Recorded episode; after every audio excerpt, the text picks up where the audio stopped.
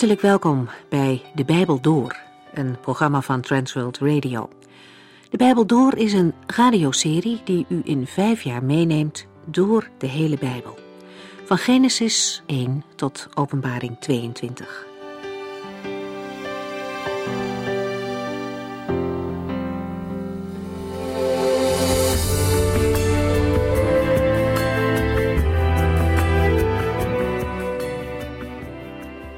Vandaag kunt u luisteren naar een gedeelte uit Openbaring hoofdstuk 3. We hebben de vorige keer al een begin gemaakt met de brief die Johannes aan de gemeente Laodicea moest schrijven. Het is de laatste van de zeven brieven die we aan het begin van Openbaring vinden. Laodicea was een bloeiend handelscentrum dat op een belangrijk kruispunt van de handelsroutes lag. De stad lag dicht bij Colosse en Hierapolis. Ondanks alle rijkdom kende de stad ook een groot nadeel. Er was geen vers drinkwater. Dat moest aangevoerd worden uit warme bronnen ten zuiden van de stad en kwam lauw in Laodicea aan. En daarmee komen we ook al meteen op het kenmerkende van de geestelijke situatie van de gemeente. De christenen van Laodicea waren lauwe gelovigen. De brief aan Laodicea is de enige van de zeven brieven die niet aansluit bij wat er in Openbaring 1 in de beschrijving van de mensenzoon over de Heer Jezus wordt gezegd. Dit suggereert dat er een grote afstand is tussen de opgestane Christus en de gemeente. Ook staan er in de hele brief geen complimenten, maar alleen kritiek. In de aanhef noemt de Heer zich de Amen. Hij is de absolute en betrouwbare waarheid en zijn woorden zijn dus ook waar. Dit is overigens de enige keer dat het woord Amen als naam in de Bijbel voorkomt. De brief begint net als andere brieven met de mededeling dat de Heer Jezus het doen en laten van de gemeente kent. Hij weet wat er omgaat en hij weet hoe de mensen werkelijk staan ten opzichte van hemzelf. Er was sprake van materiële welvaart en geestelijke oppervlakkigheid. En daar denken we vandaag verder over na.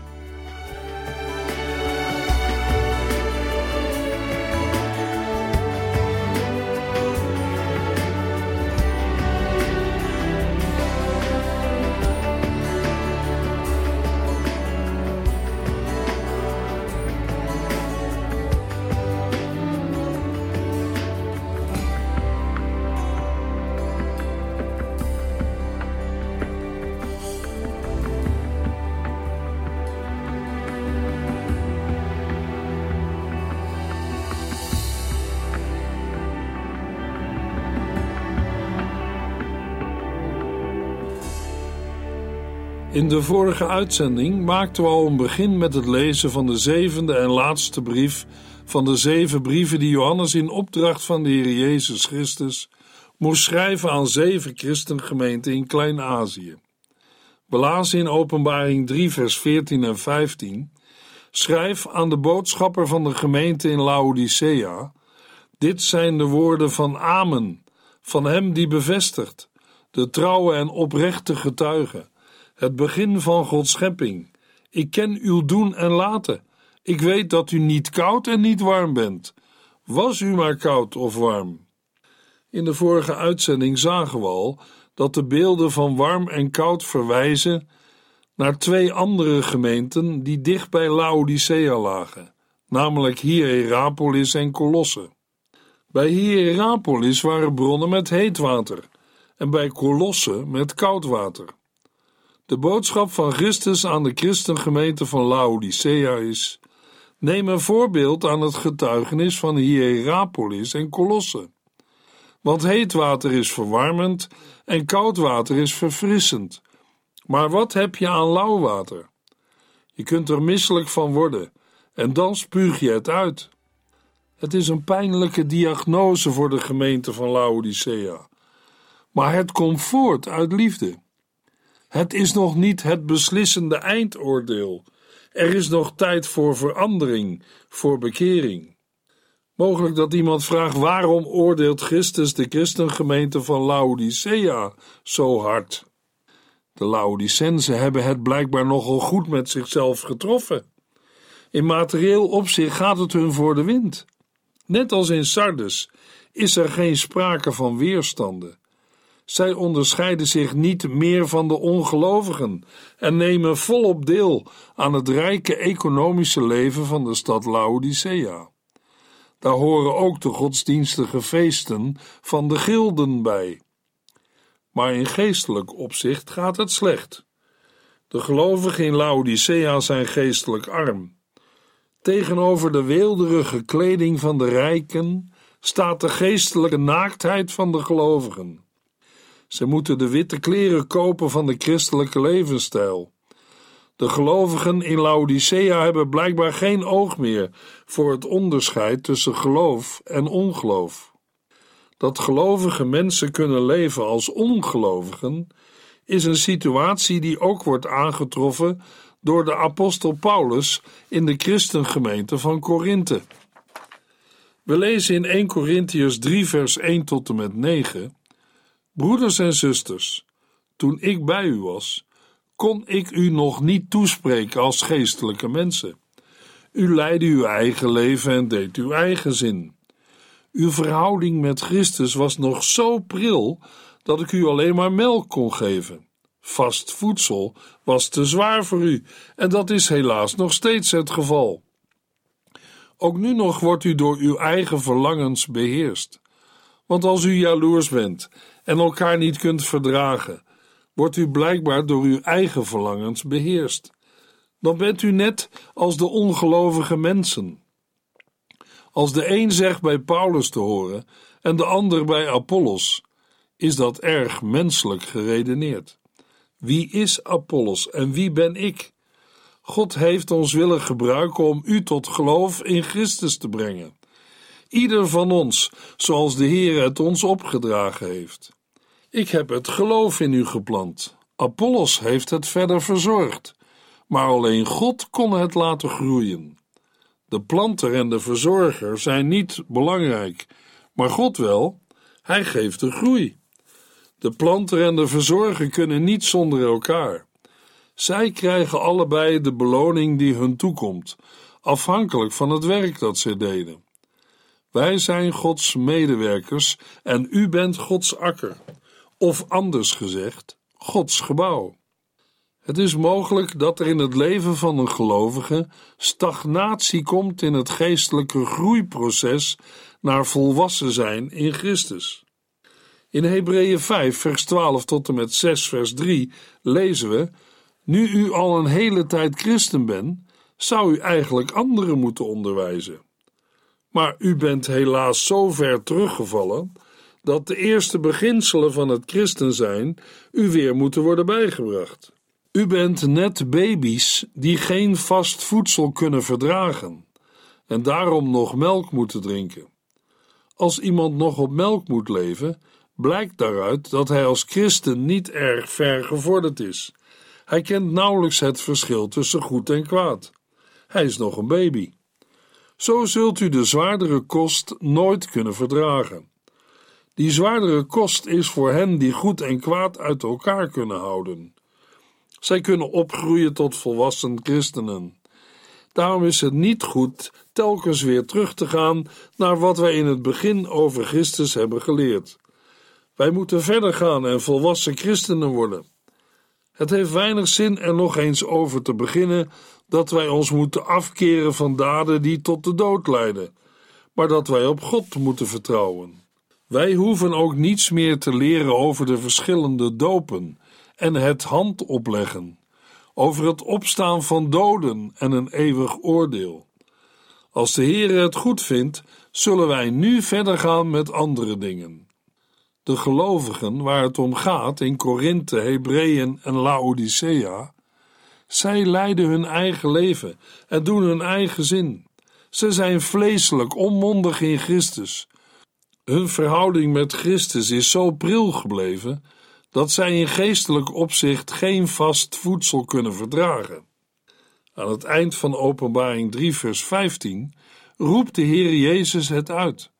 Was u maar koud of warm. Openbaring 3, vers 16. Maar nu u lauw bent, word ik misselijk van u. Ik zal u uitspuren. Vers 16 sluit nauw aan bij vers 15. Christus gebruikt nu zelf het woord lauw, dat alleen hier in het Nieuwe Testament voorkomt. Onverbloemd zegt de Heer Jezus dat hij de gemeente in Laodicea even walgelijk vindt als het water van die stad. Het water van de stad was vrijwel ondrinkbaar, en alle inspanningen van de stad om goed water aan te voeren hadden gefaald. De typering lauw houdt in dat de christengemeente niet beantwoordt aan haar doel. En dat is het ergste wat er in een christelijke gemeente kan gebeuren. In 1 Petrus 2, vers 9 en 10 lezen we over het doel van de christelijke gemeente. We lezen er: U bent door God uitgekozen om koninklijke priesters te zijn, mensen die voor God zijn afgezonderd om overal te vertellen hoe goed en groot Hij is, die u geroepen heeft om vanuit de duisternis naar Zijn heerlijk licht te komen. Vroeger hoorde u bij een volk dat niet bij Hem hoorde. Nu bent u zelf het volk van God. Vroeger wist u niet hoe goed en vriendelijk God is. Nu hebt u Zijn goedheid zelf ervaren. Met woorden ontleend aan het Oude Testament geeft de apostel Petrus zowel het wezen als de roeping van de gemeente aan. Zij zijn een uitverkoren geslacht, waarbij geslacht de gemeenschappelijke afkomst aangeeft. De lezers behoren door wedergeboorte tot één familie en hebben dezelfde vader. En net als de levende en kostbare hoeksteen Christus, die de Heer heeft uitgekozen, zijn ook de gelovigen uitgekozen geroepen en uitverkoren. Niet op grond van eigen goedheid, maar vanwege Gods liefde. De gelovigen zijn koninklijke priesters. Het woord koninklijke geeft aan dat de gelovigen in dienst staan van de grote koning, Jezus Christus. Zij genieten zijn bescherming en zullen delen in zijn heerlijkheid. Net als Israël zijn de gelovigen een heilige natie, door de Heere apart gezet en voor hem bestemd. En dat volk is zijn eigendom. In 1 Petrus 2 vers 9 wordt de christelijke gemeente Gods volk genoemd, zijn nieuwe volk, waaraan hij zich verbindt. Dat volk is zijn eigendom, omdat Christus haar met zijn bloed heeft gekocht. Dat volk heeft als opdracht de grote daden van God te verkondigen met een bekende vergelijking vanuit de duisternis naar zijn heerlijk licht, geeft Petrus aan hoe de lezers voorheen leefden en hoe door de Heer Jezus Christus het licht in hun leven is opgegaan.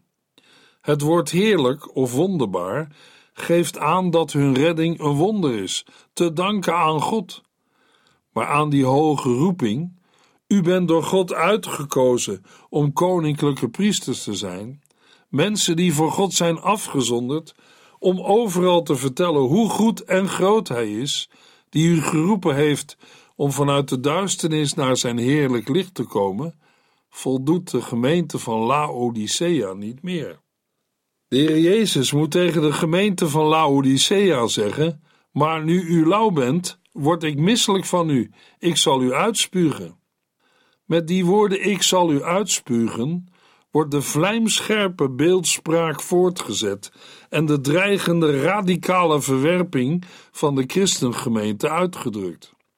Het betekent dat als deze situatie zo blijft, het oordeel over de nalatige gemeente van Laodicea voor de deur staat en we te maken hebben met een zeer ernstige situatie. De christengemeente van Laodicea lijkt nog het meest op de christelijke gemeente van Sardes. Maar daar was tenminste nog een wakkere minderheid. Toch is er ook voor de christenen in Laodicea nog hoop, want de versen 19 tot en met 21 spreken nog over de mogelijkheid van bekering. Dat is dan ook alleen vanwege Gods genade. En ook daarin zien we dat Gods waarschuwingen bedoeld zijn om tot inkeer en verandering te komen. De Heere is niet uit op de ondergang van mensen, maar zet alles in om hen te redden. Openbaring 3, vers 17. U zegt dat u rijk bent en niets tekort komt, maar u beseft niet dat u er geestelijk ellendig aan toe bent. U bent arm, blind en naakt. De stad Laodicea kenmerkte zich door arrogante rijkdom. Na een aardbeving in het jaar 60 na Christus weigerden ze alle hulp uit Rome, omdat zij van mening waren dat zij de schade zelf wel konden herstellen en betalen. Helaas blijkt dat de christengemeente deze trotse houding heeft overgenomen en denkt dat zij rijk genoeg is om zonder de hulp van God te kunnen. De gedachten van de gemeenteleden zijn in vers 17 geformuleerd in de lijn van Hosea 12, vers 9, waar we lezen: Israël verklaart trots: Kijk eens hoe rijk ik ben, allemaal eigenhandig verdiend. Maar rijkdom kan geen tegenwicht vormen voor uw zonden. De woorden van de profeet Hosea, die hij in opdracht van de Heere aan het volk Israël moest verkondigen, worden driemaal in verschillende bewoordingen herhaald, zodat ze grote nadruk krijgen. Dat vers 17 begint met de woorden U zegt, als ook de tijdsvorm waarin deze woorden staan, geven aan dat het in de christengemeente van Laodicea een gewoonte was om zo te spreken. Maar de Heer Jezus Christus prikt door de uiterlijke welvaart heen en wijst erop dat er sprake is van een geestelijke noodsituatie. De gemeente is er geestelijk ellendig aan toe. Zij is arm, blind en naakt. In de ogen van de Heere wekt de christengemeente medelijden op. Christus wijst daarbij met nadruk naar de christelijke gemeente met de woorden: U bent. Als de bij uitstek ellendige arme, blinde en naakte. In de Griekse tekst lezen we: U bent de ellendige. Het lidwoord de hoort bij alle vijf de kwalificaties die we vinden in de Griekse tekst, namelijk u bent de ellendige en de meelijwekkende en de arme en de blinde en de naakte. Het maar u beseft niet staat recht tegenover het ik weet van Christus in vers 15. Van de vijf kwalificaties zijn de eerste twee letterlijk gebruikt, maar arm, blind en naakt zijn beeldspraak voor de geestelijke toestand van de christelijke gemeente. Deze beeldspraak met armoede, blindheid en naaktheid krijgt in het volgende vers een vervolg. De Bijbel wijst vaak op een tegenstelling tussen het uiterlijke en het innerlijke. En roept ook ons op met de ogen van de Heere God naar de realiteit te kijken. Openbaring 3, vers 18. Ik geef u de raad goud van mij te kopen, dat in het vuur gezuiverd is dan pas zult u echt rijk worden. En koop witte kleren van mij, zodat u niet naakt bent en u niet hoeft te schamen. Koop ook ogenzalf en smeer dat op uw ogen, zodat u echt kunt zien. Vers 18 sluit nauw aan bij vers 17, doordat dezelfde beeldspraak voor de geestelijke situatie van de gemeente wordt gebruikt. Tegenover de eerder genoemde armoede stelt de Heer Jezus goud. Tegenover de blindheid ogenzalf en tegenover de naaktheid witte kleding. Opvallend is dat deze beelden zo nauw aansluiten bij de destijds bekende verworvenheden van de stad Laodicea. Maar die dingen worden door Christus nutteloos verklaard en gesteld tegenover dat wat hij de gelovigen en de christengemeente aanbiedt. De nadruk valt daarbij op van mij. De gemeente mag het heil niet verwachten van eigen prestaties en prestige. Bij deze woorden moeten we ook denken aan wat de apostel Paulus schrijft in zijn brief aan zijn medewerker Titus. We lezen in Titus 3, vers 3 tot en met 7. Vroeger hadden wij ook geen inzicht. Wij waren ongehoorzaam, misleide slaven van onze zondige verlangens en lusten. Ons leven was vol wrok en jaloezie. Wij haten anderen en wij haten elkaar. Maar toen de tijd aanbrak dat God ons door de komst van zijn zoon zijn liefde en vriendelijkheid zou tonen, heeft hij ons gered. Niet omdat wij het hadden verdiend, maar omdat Hij met ontferming over ons bewogen was en medelijden met ons had. Hij heeft onze zonden afgewassen, ons nieuw leven gegeven en ons vernieuwd door de Heilige Geest, die Hij rijkelijk over ons heeft uitgegoten. En dat allemaal om wat Jezus Christus, onze Redder, heeft gedaan. Dankzij Zijn genade zijn wij voor God rechtvaardig verklaard en erfgenamen geworden van het eeuwige leven, waar wij nu op hopen. En in Efeziërs 2, vers 8 tot en met 10 lezen we: Door uw geloof in Hem bent u gered, en dat komt door Zijn genade. Dat is niet uw eigen verdienste, maar een geschenk van God. Niemand zal zich erop kunnen beroemen het zelf gepresteerd hebben. God heeft ons één gemaakt met Jezus Christus, met de bedoeling dat wij het goede zouden doen, want dat heeft Hij altijd al gewild. Christus zegt tegen de gelovigen van Laodicea: Ik geef u de raad goud van mij te kopen dat in het vuur gezuiverd is. Dan pas zult u echt rijk worden. En koop witte kleren van mij, zodat u niet naakt bent en u niet hoeft te schamen. Koop ook ogenzalf en smeer dat op uw ogen, zodat u echt kunt zien. Het beeld van het kopen door de armen is ontleend aan Jesaja 55, vers 1 tot en met 3a, waar we lezen: Is er iemand die dorst heeft? Kom dan maar hier en drink, ook al hebt u geen geld. Kom hier en kies uit wat u wilt drinken, wijn of melk. Alles is gratis. Waarom zou u geld uitgeven aan voedsel dat u geen kracht geeft? Waarom zou u betalen voor etenswaren die niets waard zijn? Luister, dan zal ik vertellen waar u voedsel kunt krijgen dat goed is voor uw ziel.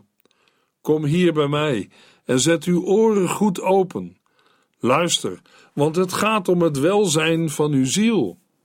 Het is mogelijk dat de drie elementen goud, witte kleren en zalf ook een verwijzing vormen naar de drie aspecten van de christelijke doop: bekering, de doop met water en het ontvangen van de Heilige Geest.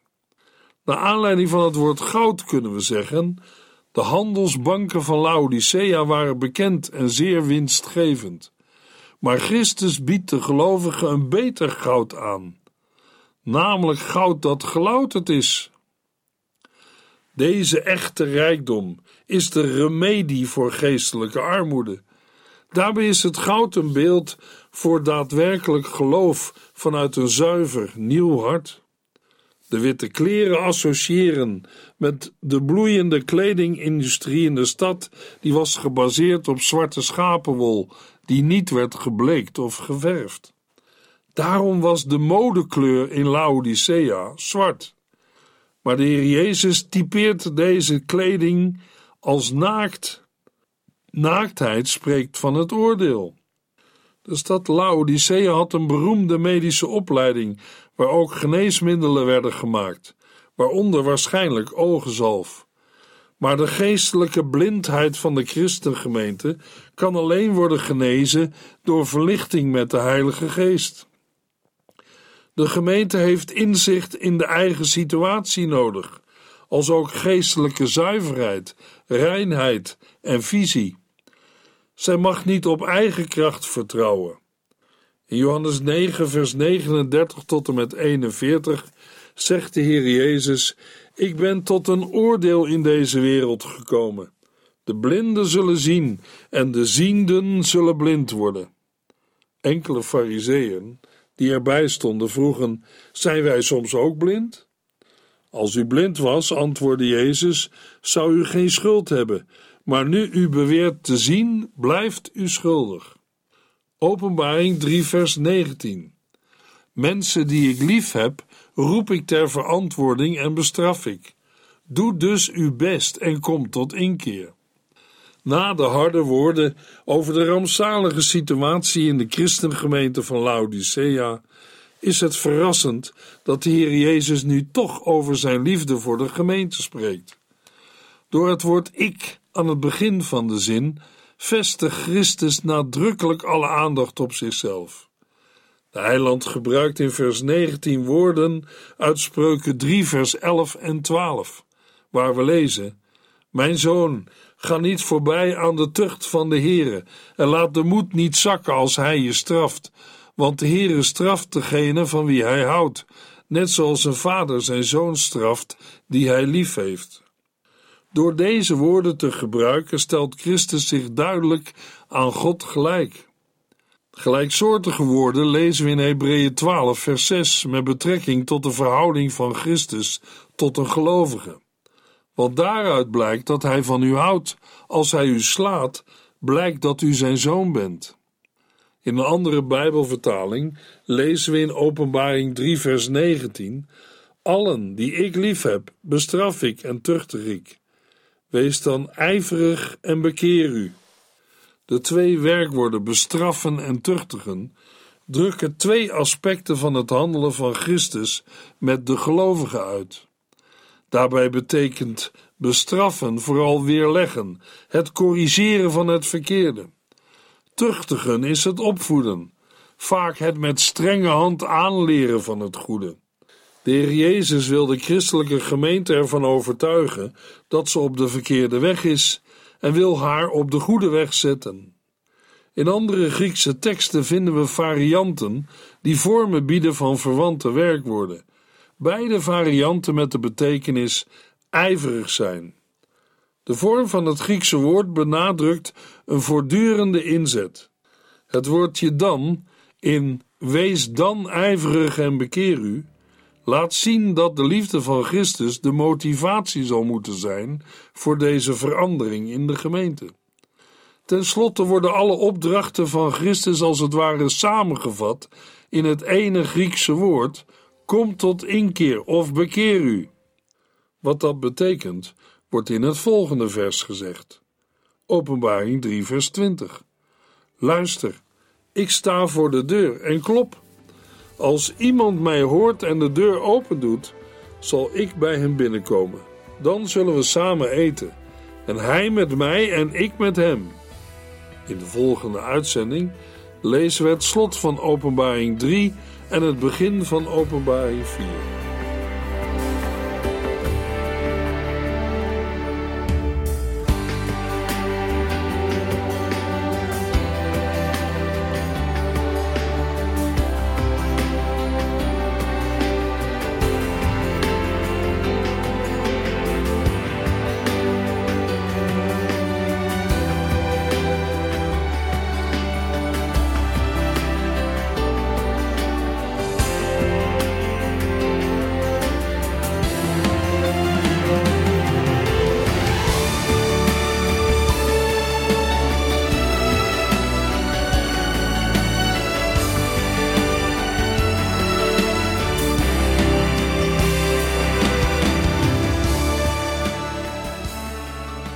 Sinds kort kunt u een USB-stick bestellen met alle uitzendingen en de teksten van de Bijbel door. Ons adres volgt in de afkondiging.